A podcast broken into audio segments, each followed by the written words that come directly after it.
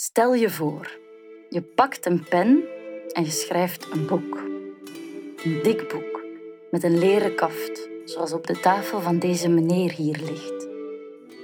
Wat wil je veranderen aan de wereld? Dat schrijf je op in je boek. Bijvoorbeeld, je wil dat alle mensen voortaan vriendelijk zijn als ze elkaar tegenkomen op straat. Een goede dag, zeg je dan. Een prachtige dag, zegt iedereen terug. Of je wilt dat er niemand nog arm is en honger heeft. Of je wilt dat er nooit nog wapens worden gemaakt. Of je wilt dat alle oma's en opa's weer jong worden. Of je wil dat elke juf of meester alleen nog maar danst.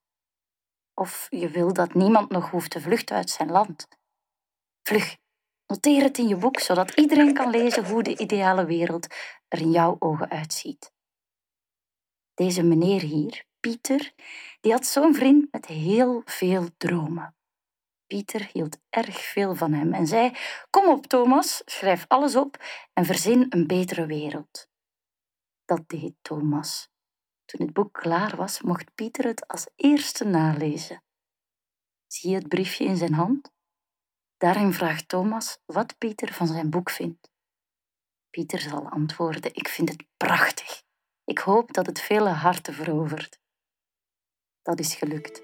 Het boek Utopia is al 500 jaar oud en nog steeds willen heel veel mensen het lezen. Ben jij ook benieuwd?